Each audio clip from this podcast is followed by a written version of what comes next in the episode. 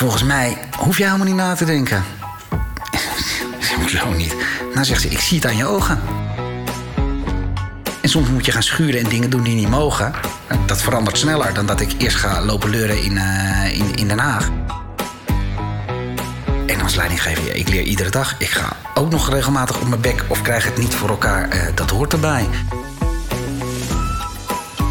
Eigen, wijs en inspirerend. Een podcast over leidinggeven in het onderwijs. Onderwijs is een groot belang en het ligt vaak onder een vergrootglas. Wie geeft hier sturing aan? Welke dilemma's kom je tegen? Hoe kan je je hier het beste toe verhouden? Hoe krijg je het onderwijs en de organisaties in beweging? Wat drijft deze mensen? Vanuit welke gedachten handelen zij? In deze podcast komen leidinggevenden aan het woord die dat dagelijks met veel plezier en toewijding doen. Ditmaal aan het woord Remco Prast, sectordirecteur van de Aloysius Stichting. En zoals het in het onderwijs betaamt, starten we de kennismaking met het Vriendjes en Vriendinnetjesboekje. Naam: Remco Prast. Geboortedatum: 15 februari 1971. Woonplaats: Haarlem. Broers, zussen. Eén broer. Burgerlijke staat. Getrouwd. Kinderen. Drie stuks. Mijn collega's kennen mij als. Betrokken, oprecht, gezellig, inspirerend, daadkrachtig. Bam. Als de wekker gaat, denk ik. Yes. De mooiste plek op de wereld waar ik geweest ben. En blijf toch thuis. De beste uitvinding ooit. Hmm, laten we maar beginnen bij het vuur. Uh, je beste beslissing ooit? Mm, goeie vraag. De, de, beste beslissing ooit. Volgens mij zoveel mogelijk je hart volgen. Uh, mijn laatst gelezen boek. Mijn laatst gelezen boek dat gaat over kinderen van de staat. Ik geef het liefste geld uit aan. Mijn gezin. Welke film kan je oneindig vaak kijken? Ik ben geen grote filmliefhebber, dus als ik films kijk is het echt ter pure ontspanning. Dus vanuit vroeger was het Fish Called Wanda, slap lachen en heel veel plezier hebben. Maar een echte filmliefhebber ben ik niet. En wat doe je als je niet met je werk bezig bent? Dan uh, speel ik gitaar, uh, ga ik bij vrienden langs. Uh, ik besteed veel tijd en aandacht aan mijn eigen gezin. ik ben een familiemens. Ja, dat is ongeveer. Dit ben ik samengevat in drie woorden.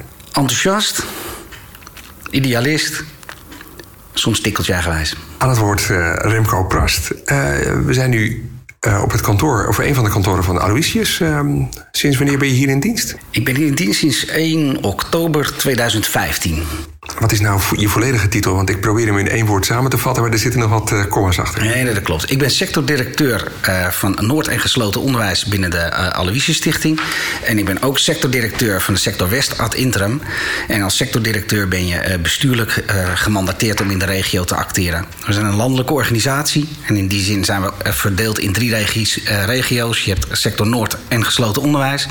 Gaat eigenlijk over de kop van Noord-Holland. Dus de Haarlem, Den Helder, Horen. Gesloten onderwijs betekent dat wij onderwijs hebben in uh, dan wel gevangenissen, dan wel in gesloten instellingen. Nou, die zitten in Sassenheim, Spijkenisse en in Harreveld. Dus die twee uh, horen echt toe aan mijn, uh, mijn originele functie.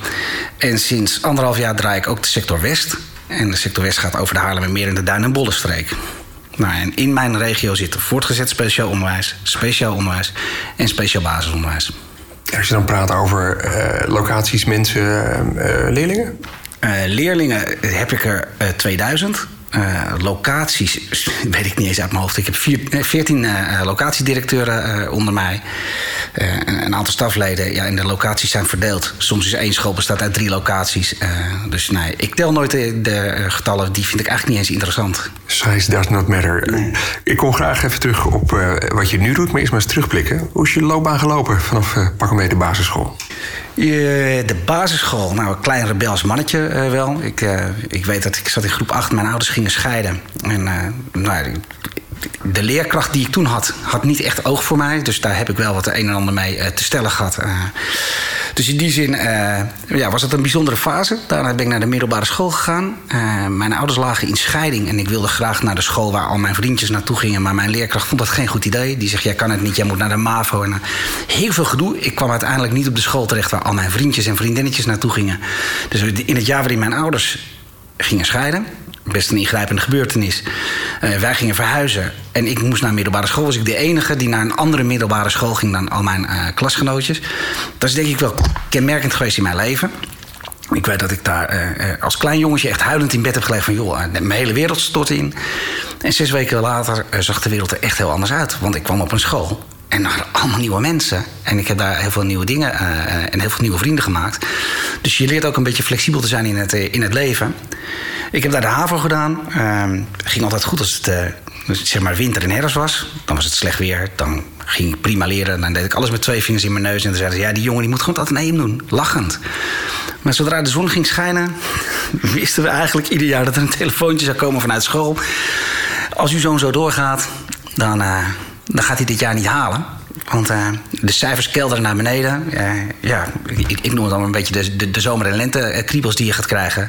Waarom zou je leren als toch de wereld er zo mooi uitzag? En, ik heb ook nooit zo goed begrepen, wat moet ik op die VO-school? Je leert van alles, maar waarvoor eigenlijk? En ik had ook geen doel, dus dat was best ingewikkeld. Um, toen kwam ik in HAVO 4. Uh, nou werd gezegd, jongens, ja, als je uit HAVO 3 komt... dan is het uh, percentage wat blijft zitten in HAVO 4... dat is echt heel groot. En, nou, dachten mijn vrienden en ik, waarom zouden we ons best doen... als je toch blijft zitten? De statistieken zijn binnen. Dus nou, we werden ook niet heel goed in, in, in benaderd. Nou, toen heb ik dat jaar gedaan. En uiteindelijk bleek toch... ja, aan het eind van het jaar dacht ik, ik moet toch maar een beetje gas gaan geven. Nou, toen zat ik er zo dicht tegenaan. Ik had het wel kunnen halen, maar we hebben het met z'n allen... hebben we de statistieken bevestigd in ieder geval... Dus wij zijn daar blijven zitten. En toen was het zoeken naar een vervolgopleiding. Wat wil ik nou eigenlijk gaan doen? En vanuit mezelf heb ik altijd gedacht: ik wil kok worden. Ik wil in, uh, ja, ik vind koken leuk en uh, ik ben daar gek op. En wat, ja, wat is er dan voor opleiding? Dan zou je toch naar de hogere hotelschool moeten. Nou, als je naar die hogere hotelschool moet, wat heb je dan nodig? In ieder geval Frans. Nou, als iets niet een vriend van mij was, zijn het in ieder geval, was het in ieder geval Frans. Dus dat zat niet in mijn pakket. En ik was een beetje dolende. Wat ga ik nou eigenlijk doen? Uh, en al mijn vrienden gingen naar de HAO. En ik zei, nou weet je wat, whatever. Uh, dan ga ik me opgeven voor de HAO. Als dat het is, dan heb ik maar een richting. Want ik had echt geen idee. Mijn ouders handen in het haar van wat gaat die jongen nu doen. En toen kwam ik bij uh, de leraar Engels. En die zei tegen mij, Remco... jij moet eens naar de PABO. PABO? Ik kende de PABO... Eh, je bent een tiener, je kende de Pabo alleen als zijnde het erotische uh, blad. Hè? Je, je verkocht Met vier jaar vooropleiding, wat willen ze van je weten? Ja, nee. ja, geen idee, dus nou ja. Ik zeg, maar wat is dat dan? Nou, zegt hij, dat is uh, uh, ja, de opleiding voor leraar. Ik zeg, nou, leraar, joh, ik, ik moet er niet in denken. Ik, ik, ben wel gek op kinderen, dat klopt, hè, altijd al geweest. Maar mezelf als leraar zien, ik zeg, joh, ben niet, ben, ben niet goed. Maar goed, hij zei het. En ik denk, weet je wat, ik ga in ieder geval naar die open school, naar die open dag. Laat ik kijken wat er is. En ik ben op die open dag geweest. En ik was echt verkocht. Ik weet niet wat, ik weet niet waarom. Hij heeft echt het goede in mij gezien. Dat vind ik echt, uh, ja, daar ben ik hem in die zin echt wel dankbaar voor. Ik uh, heb me dezelfde dag nog ingeschreven. En ik dacht, weet je wat, we shall see. Uh, is het niks, dan heb ik het een jaar gedaan. Heb ik mijn propenduis. En dan kan ik altijd nog iets anders gaan doen. En dat is een schot in de roos gebleken. Ik ben op die Pabo gestart. ik vond de opleiding zelf niet van hoogstaand niveau. Dus daar werd ik niet heel erg blij van. Maar de eerste dag voor de klas met die gasten, ja, dat was eigenlijk wel. Uh, was het summum. Dat was te gek. Dus ja, daar had ik mijn passie gevonden. Uh, en die kinderen vonden mij ook leuk. Dus ja, dan uh, kun je op een goede manier aan de haal. Ja, en in mijn achterhoofd natuurlijk ook de moeilijke periodes die je zelf hebt gehad in, in je basisschool. Zo ga ik het in ieder geval niet doen. Dus ik wist als ik naar het bord keek, ik wist wat de boefjes waren. Ik wist ook wat de boefjes zouden doen, zonder dat ik keek naar de boefjes. Dus ja, daar ben ik gestart in, op de basisschool. Eerst in Bloemendaal. Uh, best een bijzondere omgeving. Uh, MAVO was een vies woord. Dat konden we allemaal niet doen. Dus nou, ik werd aardig door de wol geverfd, zeg maar, in de, in de gesprekken met ouders. Veel eisend. En uiteindelijk kom je er toch achter dat je... je hebt bepaalde ideeën over het onderwijs. Je ziet dat je iets doet met kinderen. En je vindt dat dat anders kan. En dat lukt niet als je leerkracht blijft. Dus dan moet je een andere positie gaan doen. Dus ik heb de opleiding gevolgd voor schoolleider was het helemaal nog niet. Uh, ik kreeg wel wat taken toebedeeld. Ja, en dan gaat het wel kriebelen. Dus uiteindelijk heb ik de overstap gemaakt naar een basisschool in uh, Hoofddorp. En daar werd ik adjunct-directeur. Het uh, was een school waar de, het team had het vertrouwen opgezegd in de directie. Waarbij de directeur heeft besloten: ik blijf, ik ga die strijd aan. En de adjunct-directeur die zegt: nou, ik ga die strijd gewoon niet meer aan. Dus ik ben uh, ingestapt op een plek waar eigenlijk iedereen argwanend tegen je aankeek. Want ja, ik was directeur of ik behoorde tot de directie. Het was best een pittig jaar uh, geweest. Dat heb je niet gaandeweg dat jaar in de gaten. Maar na afloop merk je wel dat dat heel veel energie kost om vertrouwen te krijgen, om een team in, in positie te zetten. Dus we zaten ook met. Er zaten externen bij ons die ons als directie uh, feedback gaven over hoe we de vergadering hadden gedaan. En ik denk dat dat mij wel heeft gevormd. Dat helpt je. Typeert me denk ik ook. Je moet die uitdaging aangaan en leer maar van wat er is. En daarmee kon je ook de, de organisatie goed wegzetten. Nou, gaandeweg die periode is dat ook gelukt om die. Uh, om dat team op, de orde, eh, op orde te krijgen. We zijn naar school gaan groeien. Ja, en, uh, dan komt er een bestuur bij. Zegt, ja Remco, je bent nu alleen uh, adjunct-directeur. En dat was toen eerst één dag in de week en vier dagen voor de klas. Toen zei ja, je moet eigenlijk twee dagen voor, voor die klas weg. Nou, voor de klas weg. Dat was niet helemaal de optie, zeg maar. Ik dacht dat ik het alle twee gelijktijdig kon doen. Maar uiteindelijk gaat dat dan niet. Je, je, je kunt je tijd maar, zeg maar één keer indelen. Dus ik heb toch voorzichtig de klas een beetje los moeten laten. En later kwam de vraag van ja, Remco, er is nog een school verderop. Een kleinere school met grote zorgen. Kun jij daar niet uh, directeur worden? Dan blijf je uh, adjunct op de ene school en directeur op de andere school. Uh, dat was voor de directeur van mijn school op dat moment ook een vereiste. Ik wil Remco niet laten gaan, want hè, we zijn een mooie match. En dat was de eerste keer dat ik echt alle kinderen in die zin los moest laten. Ik gaf helemaal geen les meer nou, dat is wel een, een, een, een zoektocht in mezelf. Van wil ik dit nou echt of niet? Maar ja, uh, en dat komt verderop in het verhaal ook wel terug. Ik ben iemand die zegt, je, je komt op je leven heel vaak op een kruispunt. En je kunt zeggen, als dan, of had ik het gedaan, of ik kon vroeger dit. Of, ja, en je moet keuzes maken. Ga je ervoor of niet? Je weet wat je kunt, dus ga ik nu linksaf? Ga kijken of dat lukt. Nou, als linksaf niet lukt, dan weet ik in ieder geval dat rechtdoor het pad was wat ik wilde. Dus kun je altijd weer terug naar de weg uh, rechtdoor. Dus dat was deze ook van als het niet oké is, kan ik altijd weer terug naar uh, de klas en dan uh, vind ik het wel oké. Nou ik heb de overstap gemaakt naar uh, directeur. En dan krijg je op een hele andere manier contact met jongeren en kinderen. En je kunt je visie wat breder uitdragen. Dus het lukt, oh sorry, om de organisatie beter weg te zetten. Dus nou, toen was hij directeur van de basisschool. En toen kwam de BSO, TSO. We moesten de tussenschoolse opvang gaan organiseren. Ik had die kleine basisschool, die stond in buitenkaag. Ik dacht, nou, daar gingen mensen weg. Ik zei, dat toch wel mooi zijn als. Ik was bezig met onderwijsassistenten. Ik wilde eigenlijk combifuncties gaan, uh, gaan organiseren. Meer ruimte in de school. Ik denk, als ik die tussenschoolse opvang nou realiseer... en alvast ga praten over, ik doe ook die buitenschoolse opvang bij dan gaan we gezamenlijk uh, personeel in dienst nemen... en dan, ja, dan winnen we er allebei uh, iets mee. Dat heb ik geregeld voor die school. Uiteindelijk uh, met een partner. Toen zei het bestuur Remco... kun jij dat wat je nu hebt gedaan... zeg maar ook niet voor alle andere scholen regelen? Nee, regelen kan ik het niet. Ik zeg, want volgens mij is het aan de MR en aan de directeuren zelf om dit te doen. Ik zeg, ik vind het prima om die processen te begeleiden... om te kijken van hoe we dat hebben gedaan. Dus toen heb ik dat onderdeel uh, opgepakt. Ja, en dan merk je in ieder geval dat scholen er wel anders in staan. Maar uiteindelijk wordt er gekozen voor model A of B. Maar er is in ieder geval één aanbieder. Die komt er dan prominent uit naar voren. De meeste kiezen dan voor één aanbieder. Dat was tevens de aanbieder die ik ook had. En we hadden dat allemaal een beetje rondgemaakt. En toen kwam die uh, bestuurder van die kinderopvangorganisatie... die kwam bij mij, hij zei, mocht je ooit iets anders willen... dan zou ik graag een keer een kop koffie met je willen drinken. Dus daar kwam hij weer. Mijn kruispunt. Wat ga ik hiermee doen? kinderopvang, ik heb er niks mee. Het staat niet in mijn visie. Ik ben er niet mee bezig. Maar het is best interessant. Wat vraagt iemand aan je en waarom? Dus ik heb gezegd, ik ga sowieso het gesprek aan. Want als je erover begint, waarom dan? Nou, ik denk dat die man slim is geweest. Die heeft gezien van ja, oké, we hebben te weinig personeel in de BSO. Uh, uh, de wereld van onderwijs kennen we niet zo goed. Het helpt als je iemand uit onderwijs uh, naar binnen fietst. Dan heb je een soort van commitment. En dat gaat op de goede manier. En ik had zoiets van ja, weet je wat? Ik weet wat ik kan. Ik weet wat ik leuk vind ik, ik, mag een grotere organisatie gaan leiden. Dit waren 25 locaties, verdeeld over een grotere regio, verschillende gemeenten, peuterspeelzalen, naschoolse opvang, tussenschoolse opvang. Ja, wat heb ik te verliezen? Ik was getriggerd en ik, ik ga gewoon proberen. Dus ik heb die overstap gemaakt en dan kom je in een of andere non-profit sector in een profit sector een bijzondere wereld. En dan vind je van jezelf ook, oké, ik weet niet zoveel van het geld. Ik laat me op het geldniveau dan maar, hè, op het winstgevende niveau, laat ik me maar een beetje inspireren en leiden door anderen. Dus ik heb die stap, uh, die overstap gemaakt. Ja, reet interessant. Uh, het voordeel was, ik kwam uit onderwijs, dus al die scholen waarmee we afspraken hadden gemaakt, en waar, ja, waarbij we het nu moesten organiseren terwijl we geen personeel hadden. Dat moest ik nu gaan invullen. Maar ja, het voordeel was, ik kende iedereen, dus ik kreeg vertrouwen in wat je, wat je deed. Grootste zorg was personeelstekort. Um, nou, dan moet je creatief worden. Toen dacht ik van ja, oké, Er zijn hier allemaal uh, meisjes van 17, 18, jongens van 17, 18, MBO, die mogen de naschoolse opvang doen. Maar ja, dat duurt even voordat die klaar zijn.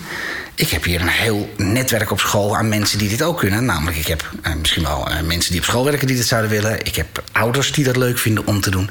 En waarom mogen die dat niet doen? Die zijn niet gediplomeerd. Hoe kan ik daar iets mee doen? Dus toen ben ik op zoek gegaan naar uh, een, een school.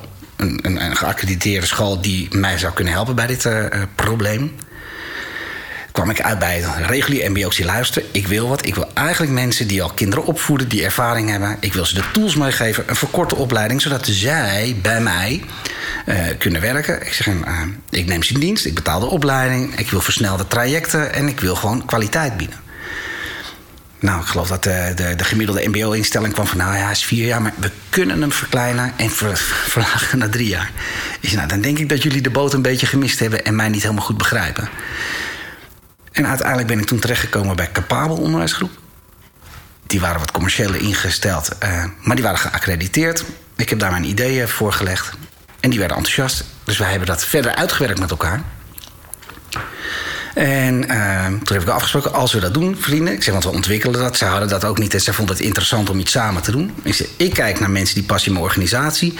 Jullie kijken naar, zijn ze leerbaar? Gaan ze het niveau halen? Ik zeg, want dat kunnen jullie doen. Ik zeg, als jullie het hebben over het pedagogisch beleid... en als jullie het hebben over, dan is dat mijn beleid. Dat kunnen jullie invoeren. Ik zeg, en als we die mensen uh, laten stage lopen... is dat in mijn organisatie. Ik zeg, A, krijg ik een schat aan informatie terug. Al die mensen zijn nieuw, die komen op locaties... en als ik het heb over pedagogisch en zij ervaren dat niet, dan komt dat terug op dat niveau. Dus dan kun je daarin uh, in ontwikkelen.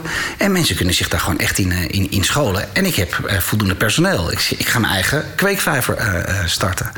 Dus, maar als we dit doen, dan ik heb maar één eis. In een straal van 30 kilometer ben ik de enige met wie je dit doet. Want we zijn dit aan het ontwikkelen. Dat heb ik toen weggezet. Ehm, ja, reet interessant en reet succesvol. Ik had in no time had ik, mijn groepen vol. En ik had geen personeelsprobleem op dat moment. En mijn collega's hadden dat wel. Dus die, uh, nou ja, ik had veel gesprekken met ze. Ja, kan het niet. Ik nou ja, eentje wil ik wel opleiden. Ik zei, maar dit is mijn handelsmerk. Jij bent bezig met sport, maar dit is wat ik heb gedaan. Uh, zo zet ik het in. En uh, nou, dus dat was een, een succesvol fenomeen. Maar ja, er was één, één nadeel in zo'n, in zo'n wereld. Ik zat in die hele commerciële wereld. En de organisatie waar ik werkte, die had niet alleen kinderopvang, maar ook thuiszorg en kraamzorg. En in thuiszorg en kraamzorg, dat je de WMO, daar stroomde het geld uit de organisatie vandaan. In plaats van dat het binnenkwam, vloeide het eruit. Ik was wel winstgevend, want uiteindelijk komt het geld bij mij binnen. Maar ja, dan ga je met een bestuurder ga je naar, je, uh, naar je klanten toe en je belooft gouden bergen. Maar die gouden bergen kwamen niet, want ze zaten wat af te romen. Het ging namelijk naar het gedeelte wat leeg liep, zonder daar heel transparant over te zijn. En ik werd eigenlijk beknot in dat wat er was. En dan voel je in je onderbuik: volgens mij moet ik nu dingen doen die ik niet oké vind. Maar ja, zij zullen er wel verstand van hebben op financieel gebied. En eigenlijk, als je dan terugkijkt op die periode, dan was dat het moment, mijn onderbuikgevoel zei: niet doen. Dit kan niet. Je drijft af van je eigen waarde en en de kwaliteit die jij denkt en die jij vindt dat je moet gaan bieden.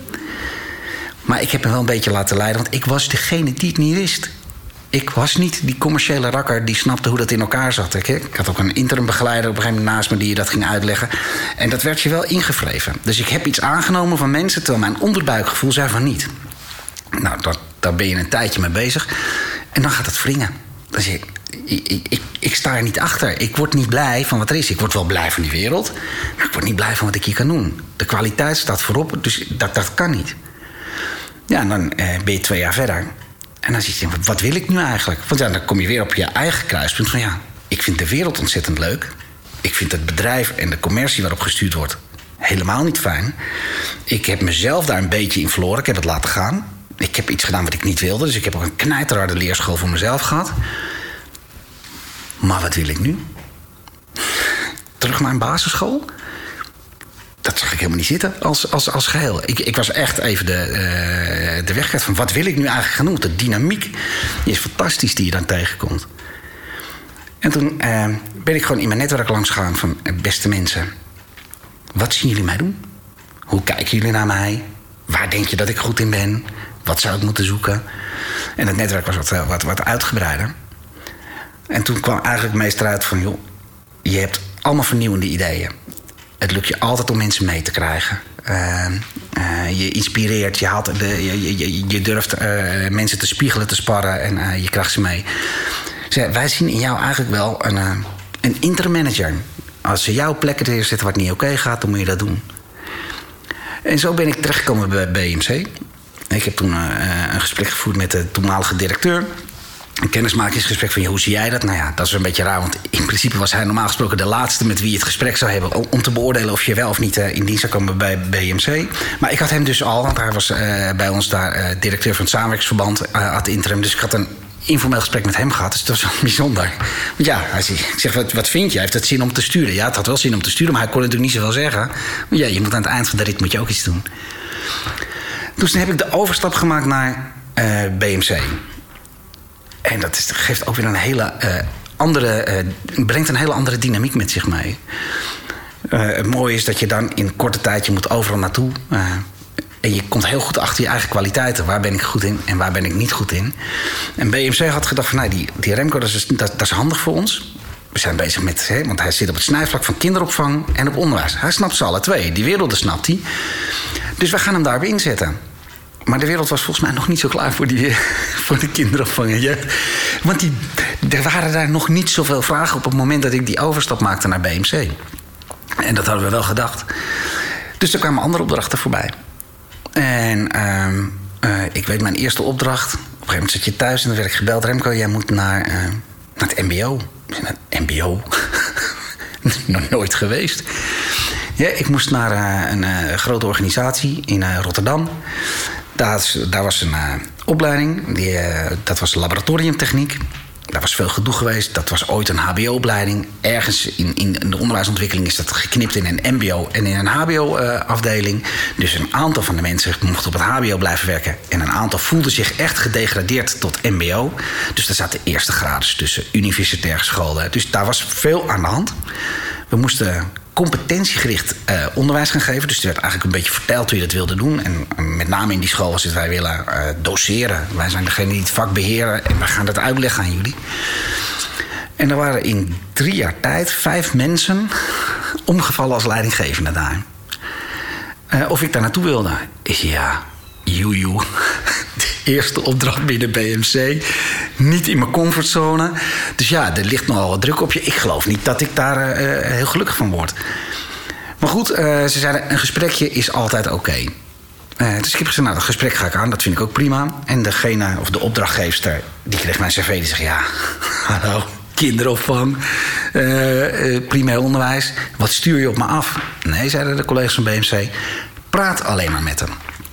Dus ik heb dat, uh, een soort van sollicitatiegesprek is eigenlijk uh, gevoerd. En dat was best een interessant gesprek. En onderweg naar huis ging ik voor mezelf uh, achterhalen van wat hoor ik nu en waar zit volgens mij nu de grootste problematiek. En mijn analyse op dat moment was: iedere leidinggevende die er heeft gezeten, was inhoudelijk heel goed op de hoogte van het vak laboratoriumtechniek. En waar zijn ze dus nat op gegaan? Want ze moesten iets invoeren, namelijk het competentiegerichte onderwijs. Maar ze gingen een inhoudelijke discussie voeren, waardoor je nooit kwam bij de implementatie van dat gedeelte. En ik dacht, ik weet helemaal niks van dat vak. Dus ik heb die valkuil ook niet. Uh, simpelweg, zij moeten het invoeren. En ik ga ze helpen in de route die ja, vastgesteld is. Dus ik kan nooit in die valkuil trappen waar die ander is ingetrapt. Dus ik denk, als ze me bellen, durf ik het toch aan. En toen werd ik gebeld. En uh, de opdrachtgever gezegd, ja Remco...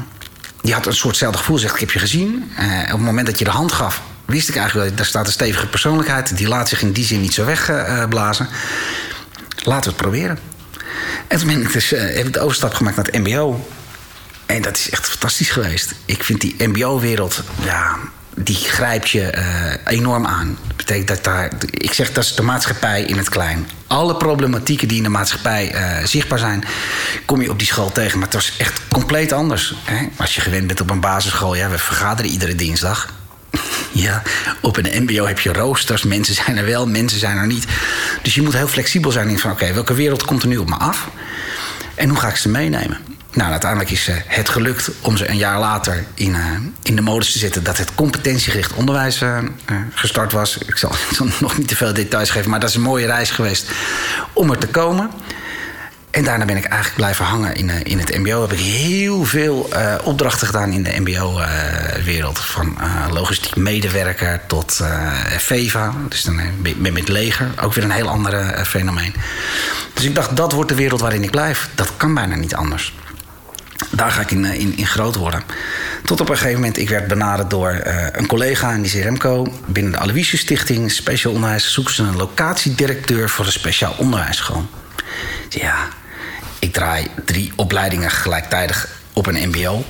Directeur van een speciaal basisonderwijsschool. Is dat nou wat ik per se wil? Het is één school, maar goed. Ik, een gesprek kan altijd. Je Zoals je net ook al zei, ja, mooi. Ja. Je, moet die gesprekken, als mensen dat deden... dit is een collega die ik uh, uh, waardeer, dus nou, als, als zij dat zeggen... dan ga je in ieder geval op gesprek. Dus toen ben ik op gesprek geweest. Uh, nou, het was de start van passend onderwijs. Het was 1 augustus 2015 is volgens mij passend onderwijs uh, formeel ingevoerd. En het betrof een school die zat verdeeld over wel 10 of 11 locaties. Sommigen hadden maar 10 kinderen. Zat je in een medisch kinderdagverblijf. Of anderen hadden 40 kinderen. Dus het was wijd verspreid. En nou ja, je, je laat het verhaal een beetje op je inwerken. Wat gebeurt er? Dus ik kom thuis en mijn vrouw zegt: Nou, en hoe was het? Ik nou ja, op zich interessant. Ik moet een beetje nadenken. Ik heb wat informatie. En, uh, dus ik vertel. En toen zegt ze tegen me: Liever, volgens mij hoef jij helemaal niet na te denken. Hoezo niet? Nou zegt ze: Ik zie het aan je ogen. Nou en dan ga je ogen open en. Uh, dan, ik zeg, eigenlijk klopt het wel. Ja, en wat klopt er dan? Um, omdat je verschillende niveaus... Ik heb niveau 1, mbo tot niveau 4. En wat je ziet is dat hoe hoger het opleidingsniveau... hoe lager de pedagogische betrokkenheid, even grofweg gesproken is. Hè? Dus hoe belangrijker de didactiek wordt uh, op dat moment. Ik doseer mijn vak, ik ga jou uitleggen hoe dat moet. Ja, en zit je lagere uh, onderwijsniveaus... als je daar uh, als je in termen van hoog en laag wil spreken... dan is die pedagogische betrokkenheid vele malen groter. En voor mij is het welbevinden van jongeren, van kinderen... eigenlijk altijd het aller, aller, allerbelangrijkste en dat is iets, die pedagogie, ik kan je in pedagogiek wel veel leren, maar de grondbeginselen moeten echt in je zitten. Dat is echt ingewikkelder bij te brengen dan didactiek. De didactiek kan ik je uh, vrij goed uitleggen. En toen dacht ik, ja, als ik naar speciaal onderwijs ga, dan heb ik A te maken met een kwetsbare doelgroep. Daar ben ik graag van. Ik, ik, ik zorg graag voor degenen die het wat ingewikkelder hebben. Mensen moeten per definitie een pedagogisch kompas hebben. Het kan niet anders. Anders hou je dat niet vol in deze uh, hoedanigheid. En ik kan je helpen om te zorgen dat het niet alleen maar zielige kinderen zijn. Maar dat er ook gewoon didactiek is. En dat, je ze, dat, dat er meer uit ze gehaald kan worden. Dus je kunt op een andere manier proberen die ontwikkelingen uh, te bevorderen. En dat was voor mij wel de reden om te zeggen: oké, ik ga weer het diepe in. Daar waar ik eigenlijk van overtuigd was dat het MBO mijn wereld zou worden. Ik stap in in het, uh, in het SO en het SBO-wereldje. Kende het niet, was te lang uit het regulier onderwijs. Hè? Want het, eh, het voordeel van op veel plekken komen is jezelf goed leren kennen. In verschillende situaties uh, leer je acteren. Uh, je weet van alles wat. Nadeel is, je weet van iets niet heel veel. Dus als je een aantal jaren niet in het basisonderwijs hebt gestaan, weet je wel iets van het basisonderwijs. Maar niet zoveel als dat je al die jaren acteert in het basisonderwijs. Dus dat is altijd een beetje zoeken van oké, wat komt hier nu op me af? En het basisonderwijs was wel gestart, samenwerkingsverbanden in het begin. Dus nou, dat was wel een dingetje, zeg maar, om dat uh, je goed eigen te maken. Ja, en dan maak je een, uh, ga je nadenken over een stukje visie van ja, hoe zie ik dat nu eigenlijk? Wat vraagt passend onderwijs van ons? Wat betekent dat dan? Wat betekent dat voor mij? Wat moeten we dan doen? Wat betekent dat voor onze jongeren? Ja, voor mij was de simpele vraag: hoe gaan we ervoor zorgen? Dus wij zijn ergens goed in, namelijk voor die zorg voor de jongeren. Um, pas het onderwijs zou betekenen: breng het onderwijs of de zorg dichter bij huis. Zorg ervoor dat kinderen zoveel mogelijk in hun eigen omgeving zich kunnen ontwikkelen. Daar ben ik warm voorstander van. Hoe kan ik daar iets aan bijdragen? Uh, maar hoe ga je die kennis goed borgen? Zij het uh, op een plek of zij het naar de reguliere school of naar andere scholen toe. Je moet iets bedenken om dat te doen. En dan is het enige uitgangspunt. Hoe kunnen we ervoor zorgen dat die jongeren die hulp krijgen, of die begeleiding, of die zorg die ze nodig hebben? Nou, dat is leidend geweest in mijn, uh, mijn verhaal. Dus daar hebben wij het een en ander op ontwikkeld. met elkaar. Dus ik heb die hele school geherstructureerd, visie bepaald. En vervolgens zijn wij allerlei samenwerkingen aangegaan met het SBO, met regulier, met zorg. want dat was ook nog eens de tijd dat de zorg. De wet op jeugd was veranderd. Er moest bezuinigd worden in de jeugdzorg. Dus nou, best een, een, hectische tijd. En daar elkaar de, de, de, handen vasthouden. Dus ik ben gestart als directeur binnen de, binnen de Aloysius Stichting. En eigenlijk vrij snel daarna eh, werd ik gevraagd om sectordirecteur te worden. Dus dan werd je verantwoordelijk voor meerdere scholen. En ga je je visie op meerdere plekken uitzetten. Nou, zo'n beetje, zeg maar. Nou, en dat in twee minuten. Ja, ja dat gaat niet lukken. En, en, ja, even een kwartje en ik ga. En, dat triggert me op, op, op, op twee dingen. Zeg maar. wat, wat, als je nu terugkijkt, wat is nou je eigen rode draad geweest? Wat heb je steeds meegenomen of waarom werkten dingen? Het allerbelangrijkste voor mij is uh, wat ik heb geleerd en die heb ik ook teruggekregen. Ik heb assessments gehad, ik heb een EVC eh, gehad. Ik weet nog als er ooit iemand heeft gemaakt. Hij zegt: Remco, ik zie jou. Het maakt mij eigenlijk niet uit waar we jou neerzetten. Als jij passie hebt voor datgene waarvoor je het doet, dus ik moet echt iets hebben met de doelgroep of met het product, of kan me niet, kan me niet schelen. Ik moet iets voelen. En als ik dat voel, ja, dat is mijn drive. En dan ga ik ervoor. Hij zegt, joh, hij zegt in het gekste geval zie ik je nog wel directeur van Schiphol worden. Als jij iets hebt met die dingen, dan gaan die radertjes gaan, uh, aan de haal. Dus ja, en als je dat voor ogen houdt. En volgens mij moet je echt heel goed voor ogen houden. Iedere keer, waarvoor doe ik dit? Dus als ik naar huis ga eh, en ik wil weten wat voor dag ik nog had, wat heb ik nou eigenlijk bijgedragen voor de jongeren voor wie ik het doe? Heb ik het nou, hebben mijn inspanningen ertoe geleid dat ik voor hun heb gezorgd? Ja, en ik denk dat dat het allerbelangrijkste is. En dat werd ook als verweten in het begin. Hè. Dus je hebt een bepaalde visie. betekent dat je ja, de medisch kinderdagverblijf. Ik zeg nee, wij moeten niet als onderwijs een beetje bij de zorg zitten. De zorg moet naar het onderwijs komen. En we zijn een school en we moeten het op een andere manier organiseren. Dus jullie gaan verkassen naar een school en we nemen de zorg mee. En we moeten uh, uh, ja, alle kinderen daar kunnen bedienen. Ja, en als je gewend bent met kinderen die misschien alleen internaliserend, dus gedragsmatig best rustig zijn. Uh, als, als dat je doelgroep is en je krijgt nu ook externaliserende problematieken erbij. Ja, zeg, daar heb ik niet voor gekozen. Is je nee, dat zou kunnen. Maar er is wel wat kinderen vragen. Uh, dus dan heb jij de verkeerde baan. Want dit is wel wat we moeten. Dus jij moet iets leren. Want die kinderen vragen dit aan ons. Dus toen werden ze ja, maar jij zorgt alleen voor de kinderen en niet voor ons. Ik zeg, maar ik ben er primair ook voor de kinderen. Ik zeg, en ik zorg ook voor jullie. Alleen ervaren jullie dat nu nog niet. Maar primair ben ik er voor die kinderen. Dat is onze doelstelling. Je hebt de beste mensen nodig om deze jongeren uh, op weg te helpen. En dat zou, wat mij betreft, in ieder bedrijf zo moeten zijn. Je hebt een bepaalde doelstelling, daar moet je in geloven, daar moet je achter staan. Ja, en dat is je rode, rode draad. Dat is mijn kompas. En daar ga ik niet vanaf. En, en het tweede stuk wat ik dan boeiend vind, je, van kinderopvang tot de MBO, dus uh, tot aan de rollators ongeveer het onderwijs gegeven. Uh, dat iedere organisatie vindt zichzelf bijzonder, of iedere sector in het onderwijs vindt zich. Wat, wat, wat hebben die allemaal gemeen wat ze niet van elkaar weten? Nou, ze hebben allemaal beelden over elkaar.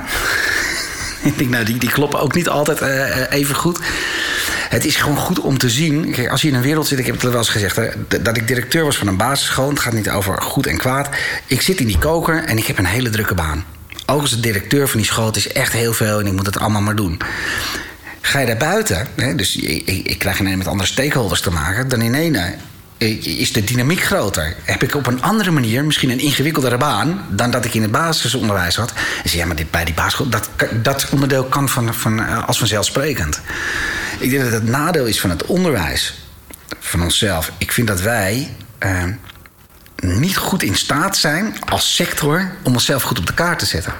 Dus wij laten dingen ons overkomen. Als wij gewoon kunnen laten zien wat we doen, waar we goed in zijn, en je weet je te verantwoorden en je, weet, je durft keuzes te maken, dan hoeft de wetgever, eh, want ja, de, de, betaler bepaalt, die hoeft ook niet te controleren. Dus dat zij nu alles aan ons vragen en dat eigenlijk maar opstapelen, zorgt ervoor dat wij nooit in staat zijn gebleken om onze eigen kwaliteit en expertise uh, Dat is voor mij eh, wel zorgwekkend. En die kom je op verschillende plekken tegen. Dus ja, eh, de passie voor de kinderen is overal aanwezig. Voor, voor de jongeren, het maakt niet uit waar zij het op welke, welk niveau. De een zal meer doen op zijn vak, de ander meer gericht op de kinderen. Dus daar is wel een, een, een gelijkwaardig iets in. Ja, het beeld van onderwijs van buiten naar binnen, ja, daar hebben we last van. En die eh, hou je zelf ook in stand. Heb al gezegd, in mijn eigen organisatie geldt hetzelfde.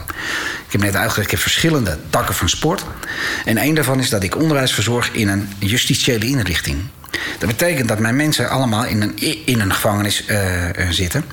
En de beeldvorming die daar heerste bij de mensen is dat zij de moeilijkste groep zouden hebben. Want zij zitten met kinderen, en de meest onveilig, want zij zitten met jongeren die ja, uh, misdaden of iets dergelijks hebben gepleegd. Toen zei ik tegen ze: dat is absoluut niet waar. Nou, dan krijg je een hoon over je heen. Ik zei: jullie zijn misschien wel de veiligste school in mijn hele organisatie. Ja, en dan moest ik maar een dagje daar komen werken. En, uh, ik zei: ja, dat is prima.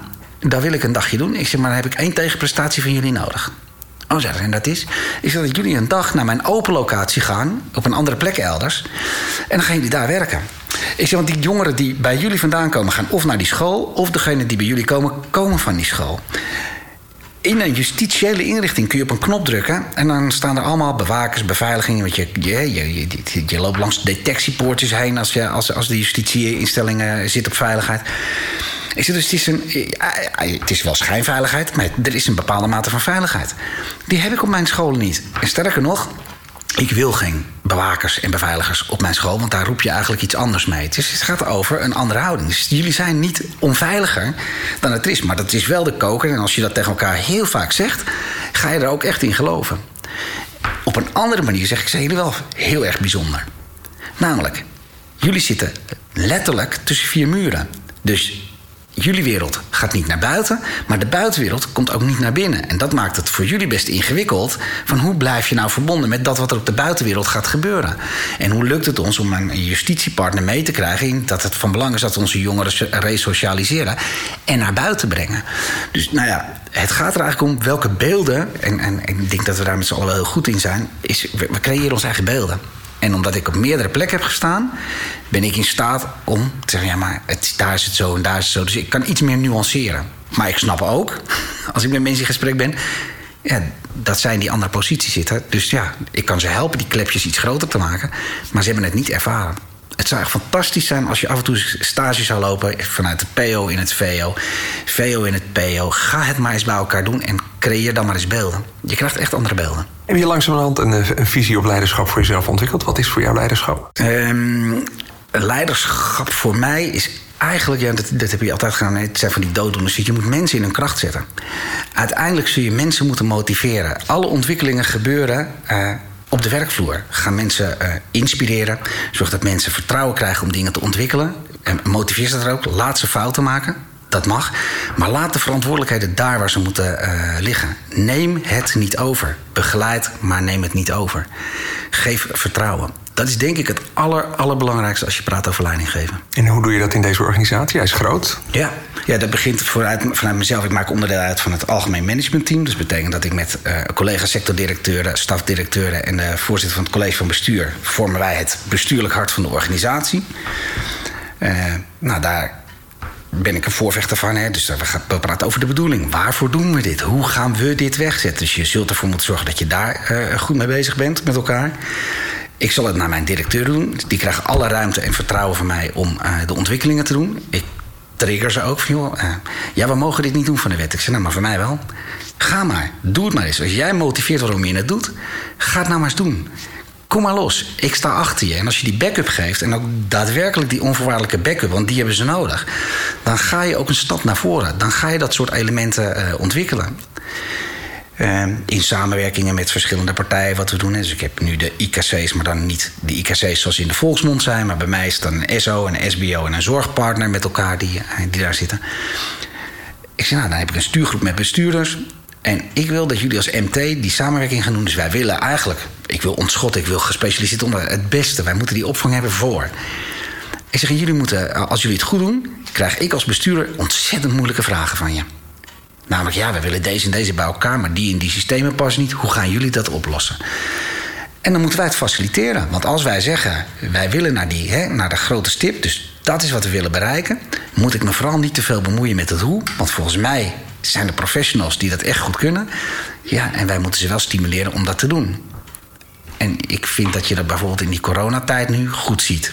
Mensen pakken de verantwoordelijkheid. Je moet wel. Er zit ook niks meer tussen de leerkracht en, en de ouder in. Het was een scherm, je hebt één op één contact. Je kunt je niet meer verschuilen achter methodes. Of een ouder kan zich niet meer verschuilen achter.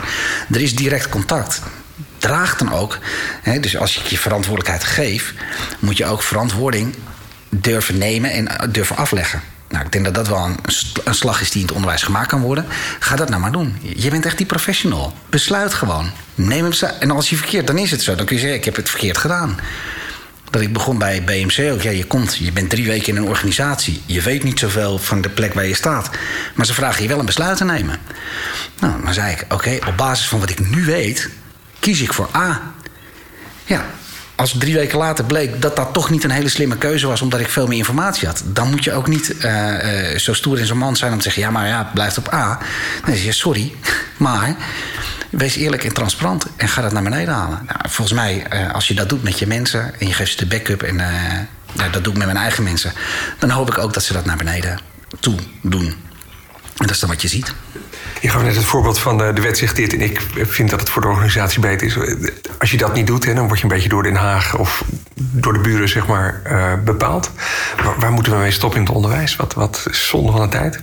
Ja, kijk, de, de vraag is, want we, we hebben, ik heb toevallig gisteren hebben de discussie gehad over het toetsen. Dus er is nu zo'n beweging die zegt, ja, we moeten stoppen met het toetsen.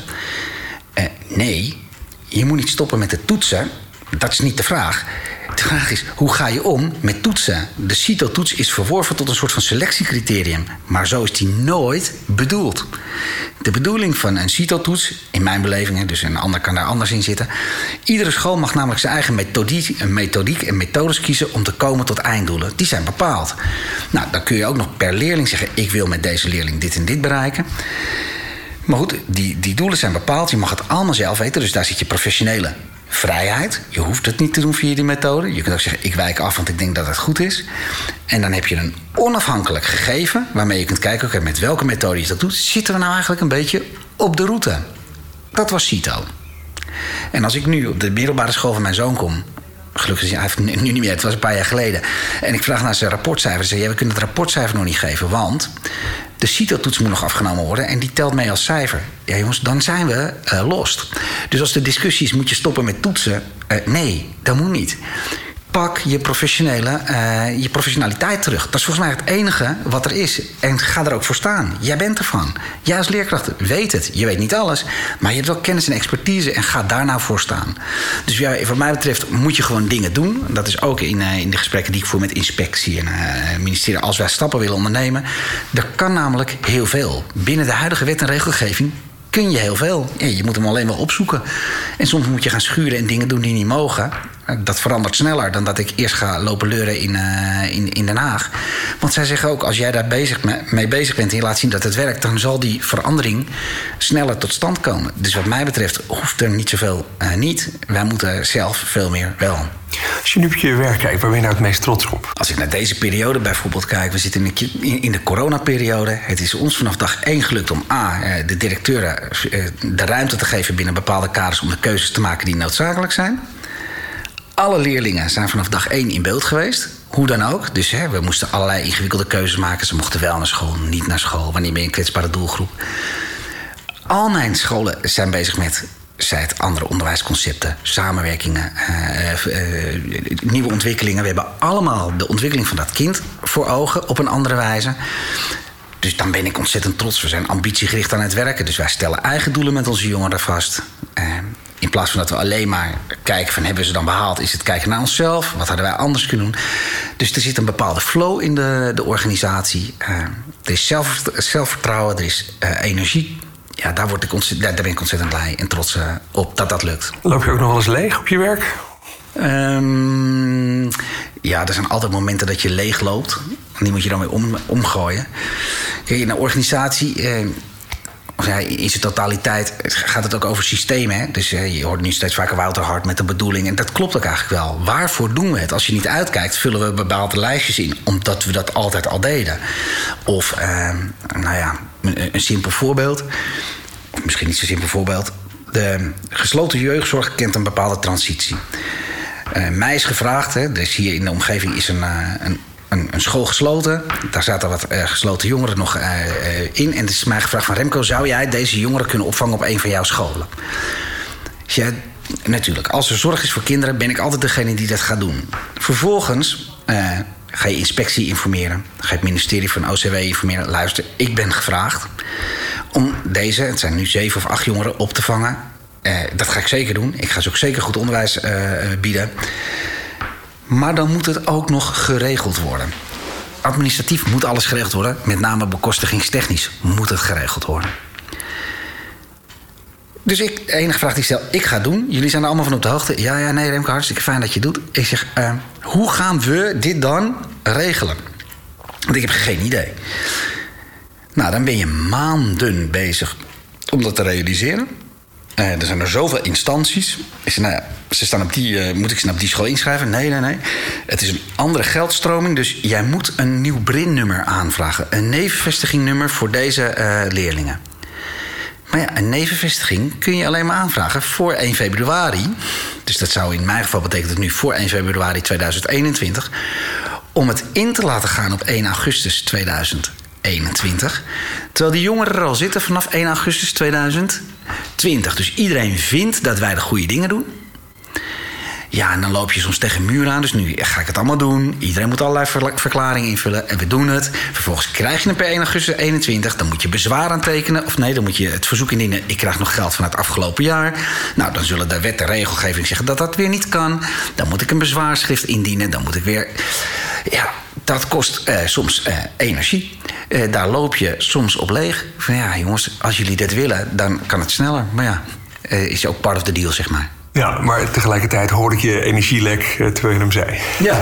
Daar komt dat roepeltje. Ja. En we gaan het wel doen omdat het moet voor die kids. Ja, en dat is wat je doet. En, en dat is denk ik wat ik moet blijven doen. Want als ik het niet doe, dan zeg ik tegen die jongeren... je komt niet bij me, want ik krijg het niet voor elkaar. Dat is, dat is, geen, dat is geen dat is gewoon niet een optie. Dus ja, moet je dingen voor elkaar zien te, te boksen. Wat ik nog veel zie in het, in, de, in het onderwijs is enthousiaste eh, jonge eh, honden zeg maar, die leiding willen gaan geven. En uh, of ik zie ze stranden of ik zie ze excelleren. Mm -hmm. En het is zo zonde als je strandt in het onderwijs. Wat, wat, wat is je eigen leergeld? Um, ja, dat, dat is wel een goeie. Kijk, ik denk, als je, als je praat over leidinggeven... ik heb ook wel eens met een aantal mensen gezeten... die graag leiding wilden geven. En dan heb ik aan ze gevraagd... Uh, wat zij, keken, zij kijken dan allemaal op tegen leidinggevenden. En toen zei ik, oké, uh, ik snap dat. Ik zeg, maar wat moet volgens jullie een goede leidinggevende... nou eigenlijk kunnen? Want ze hadden heel ja, maar iemand, als je goed leiding geeft... dan heb je heel veel kennis. Ik. Ja, maar wat moet een goede leidinggevende volgens jullie kunnen? Jullie zijn het even niet. Gaat in jullie organisatie, wat heeft hij dan nodig? En dan komen er heel veel elementen naar voren. Maar niets, of bijna nooit, gaat het alleen maar over kennis. Het gaat over iemand moet motiveren, iemand moet je durven spiegelen. Iemand moet, het zijn echt allemaal persoonskenmerken uh, die van belang zijn. En natuurlijk moet je ook weten waar het over gaat. Maar dat leer je ook gaandeweg, uh, uh, gaandeweg de processen. Dus ik denk dat het belangrijk is dat je een goed beeld hebt als je, als je begint met leidinggevende. Ga jezelf eens nou, wat heeft voor jou wat is voor jou een goede leidinggevende? En waarom is die leidinggevende dan zo goed? En wat wil je daarin ont, uh, in ontwikkelen? En wat beoog je? Dus uh, je moet gewoon een goede doelstelling hebben. Wat wil je bereiken? En als leidinggever, ik leer iedere dag. Ik ga ook nog regelmatig op mijn bek of krijg het niet voor elkaar. Eh, dat hoort erbij. Mijn werk is niet altijd leuk. Althans, ik moet niet altijd leuke dingen doen. Als ik een moeilijk gesprek moet voeren. Of, ja, dat hoort erbij. Uh, dus als leidinggevende, of als je een leidinggevende positie wil... denk ik dat je je goed moet realiseren dat je... Eh, misschien is de belangrijkste les wel... hoe ga je om met weerstanden? Leer dat. Snap dat. En het is niet persoonlijk. Dus als, als, als ik iets moeilijks moet doen, of, gaat het niet per se naar mij of over mij. Maar hoe ga je om met weerstanden? En als je dat op een goede manier kunt, ja, dan denk ik dat, je, uh, ja, dat dat de eerste basis is. Hoe maak je weerstand leuk? Ja, weerstand, weerstand is in eerste instantie niet leuk. Uh, weerstand, uh, eigenlijk de effecten van weerstand komen later. Dus op het moment dat jij een moeilijk gesprek hebt, of ik heb als mens gezegd, ja, als ik ze zie lopen, denk je, ja, in alles straal je uit dat je geen plezier hebt in wat je doet. En de jongeren worden niet blij van je. Dan moet je dat tegen iemand vertellen. Dat is geen leuk gesprek. En diegene ziet dat misschien ook wel niet zo. Of die is dan uh, teleurgesteld of boos. Of, maar uiteindelijk creëer je daar beweging mee. Uh, gaan mensen in gesprek. En later gaan mensen, los van welke kant je erop gaat... dus of ze gaan iets mee doen of niet... komen ze bij je terug. Want je bent de eerste die eerlijk heeft gezegd wat je waarneemt. En daarmee gaat er toch iets, uh, komt er toch iets in beweging. Dus de effecten komen altijd pas uh, later. Nooit direct. direct kost het energie. En daar moet je eigenlijk ook een beetje laten gaan. En de kunst is, maak het niet persoonlijk. Verplaats je in de ander. Snap dat je een moeilijke boodschap geeft. Of snap dat. En als, uh, en als het op andere terreinen, zoals het niet om mensen gaat, maar het gaat over de ontwikkeling. Dus nu heb je het net over de kosten van, die ik naar binnen moet halen. Dat is wrijving. Dat, ja, maar goed, ik weet waarvoor ik het doe. Die gasten zitten er, dat lukt. En uiteindelijk weet ik zeker dat het me uh, ook in de bekostiging gaat lukken. Nou ja, soms moet je je verlies nemen. Maar ja, het, het hogere doel is eigenlijk belangrijker. En dan ga je dat terugkrijgen. Dus ja, uh, wrijving op zich is niet leuk. Nee, je kunt beter leuk uh, gezellig een, drankje met iemand drinken. Dat gaat beter. Maar ja, het hoort er wel bij als daar door beweging ontstaat. Maar uiteindelijk wel zingevend als ik hem vertalen. Uh... Zeker. Wat zou nou de belangrijkste les zijn die je zelf hebt geleerd... die je nog zou willen delen? Ja, voor mij, ik heb een paar keer gezegd... volg echt je kompas. Dat, dat is één. Want je onderbuikgevoel zegt heel veel. Um, wat ook belangrijk is voor leidinggevenden is... je moet niet alles zelf kunnen. Als je denkt dat je alles zelf kan, dan ga je knijterhard op je, op je kokosnoot. Verzamel mensen om je heen en geef ze vertrouwen. Die kunnen, er zijn mensen om me heen die een aantal dingen echt veel beter kunnen dan ik.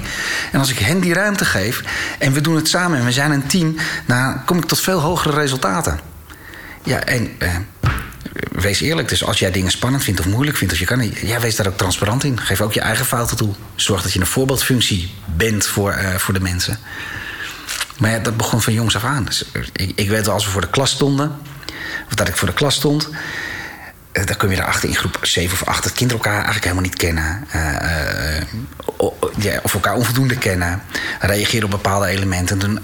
Ik zei, maar je moet eigenlijk veel meer een sociale dynamiek krijgen. Dus toen zei ik. het kan zo zijn, lieve kinderen, dat de ene dag, hè, dus als er iets ergs bij jou thuis gebeurt, of je hebt een rotdag, of je hebt niet lekker geslapen, of er is iets. Dan reageer je anders dan als, het, als dat anders is. Ik zeg, als ik het niet weet, of je vriendjes weten het niet, dan gaan die vriendjes altijd hetzelfde reageren op jou. Nou, dat kan, als jij uh, je, negatief gedraagt, kan dat heel veel nare effecten geven. Dus wees transparant en uh, vertel wat er is. En dan ging ik zelf als uh, leraar ging dan zeggen... Nou, ik heb vannacht zo'n slechte nacht gehad was niet zo, maar ga je dat vertellen. Dus ik ben wat korter af vandaag, jongens. Dan weten jullie dat. En dan zien zij van, oké, jij doet dat. Je gaat, er, je, gaat erop in. En dan krijg je een andere dynamiek. En dan zie je hen dat ook doen. Dus geef mensen vertrouwen. Zorg dat je uh, open en transparant bent over dat soort elementen. En dan krijg je het terug. En wat belangrijk is, speel geen spel. Wees echt oprecht geïnteresseerd in mensen. Als je het niet leuk vindt, moet je niet doen. Ga niet doen alsof je geïnteresseerd bent in, in mensen, kinderen. Want iedereen prikt daar doorheen. Aan het woord was uh, Remco Prast. Dankjewel. Graag gedaan. Welke inspirerende leidinggevende wil jij wel eens aan het woord horen? Laat het me gerust weten via frank.schildkamp.bmc.nl